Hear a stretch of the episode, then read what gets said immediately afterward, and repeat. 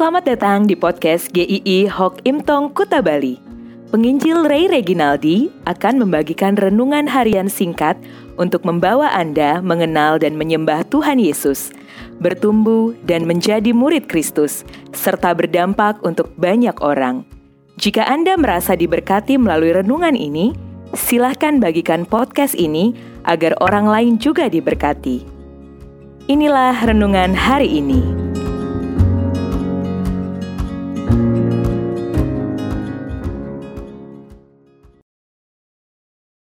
Sidik jari Efesus 2 ayat 10 Karena kita ini buatan Allah, diciptakan dalam Kristus Yesus untuk melakukan pekerjaan baik yang dipersiapkan Allah sebelumnya. Ia mau supaya kita hidup di dalamnya. Tanggal 19 September 1910 bisa disebutkan adalah tanggal yang mengubah hukum kriminal di Amerika Serikat selamanya. Dari sebuah kasus kejahatan, untuk mengungkapkan siapa pelaku kejahatan, di dalam penyelidikan itu ada satu fakta yang menjadi jelas. Sang pelaku masuk dari jendela samping dapur rumah korban, dan polisi keluar dan di sebelah jendela tercetak dengan jelas dan tidak bisa dihapus lagi. Empat sidik jari kiri dari tangan seseorang di pinggir jendela yang baru dicat putih. Pada waktu itu bukti sidik jari masih muktahir dan baru diperkenalkan di acara pameran polisi internasional. Setiap individu dikatakan memiliki tonjolan yang unik di jari-jarinya. Itu adalah identitas yang tidak bisa terlepas darinya. Jika ditanya, "Apa identitas diri Anda?" atau "Siapa Anda?" Jika orang tidak memahami arti identitas dirinya, hidupnya akan salah untuk menempatkan dirinya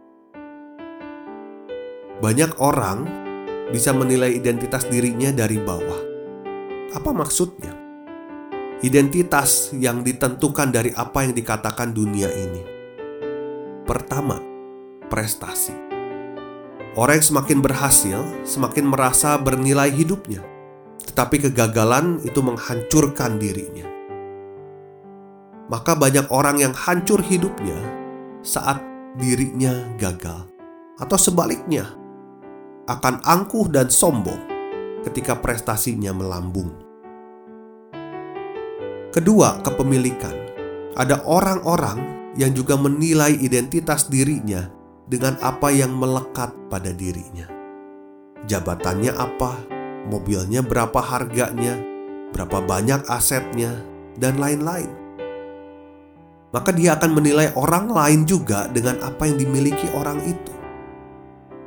Ketiga, penerimaan. Identitas diri juga sering dibentuk bagaimana seseorang diterima oleh orang lain atau tidak. Semakin banyak orang yang memujanya, memfollownya, hidupnya terasa lebih bernilai. Maka sering kali orang akan berusaha melakukan apa pun agar diterima oleh orang lain.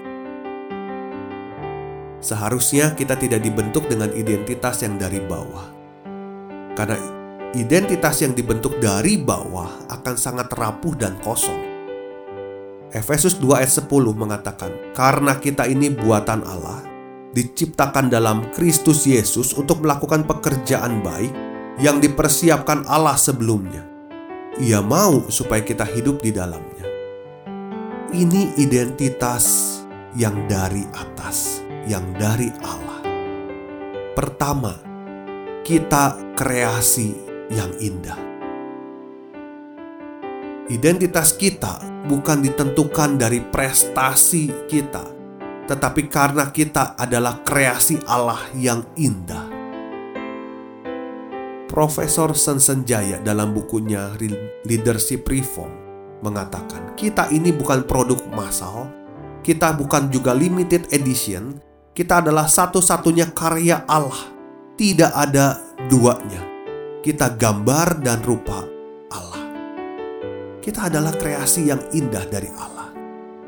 Yang kedua adalah kita milik Kristus. Identitas kita bukan ditentukan dengan apa yang kita miliki, tetapi siapa yang memiliki kita. Kita bukan hanya diciptakan Allah, tetapi di dalam Kristus Yesus dikatakan.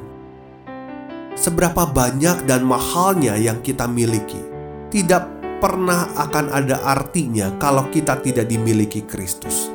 Kita akan luntang-lantung dalam hidup ini seperti pengemis yang terus mengais-ngais apa yang ada di dalam dunia ini untuk memenuhi hati kita yang kosong. Karena pada dasarnya kita tidak memiliki apa-apa. Hanya kalau kita dimiliki oleh Kristus, hidup kita, identitas kita, itulah yang begitu berarti. Ketiga, penerimaan Kristus. Penerimaan sejati bukan ketika semua orang memuja kita, tetapi saat kita dalam kondisi terburuk, yaitu terbelenggu dalam dosa, tidak pantas, tidak layak, menjijikan. Justru Tuhan merangkul kita untuk menjadi anaknya. Penerimaan sejati adalah saat Tuhan Yesus menanggung semua dosa kita di kayu salib. Di sanalah penerimaan terbesar dan paling sejati yang pernah kita rasakan sepanjang hidup ini. Di sanalah Tuhan merangkul kita, menerima kita. Maka Anda dapat menentukan mau menjalani hidup ini dengan identitas dari bawah atau identitas dari atas. Identitas dari bawah sifatnya sementara rapuh, tapi identitas dari atas itu begitu indah. Kita tidak ditentukan lagi dari kata orang, tetapi kita ditentukan dari apa yang Tuhan katakan pada kita. Inilah sidik jari kita di dalam hidup ini. Ingatlah selalu setiap hari akan hal ini. Tuhan mau hidup kita bukan dengan identitas dari dunia, tetapi yang dari Tuhan saja. Kiranya Tuhan memberkati.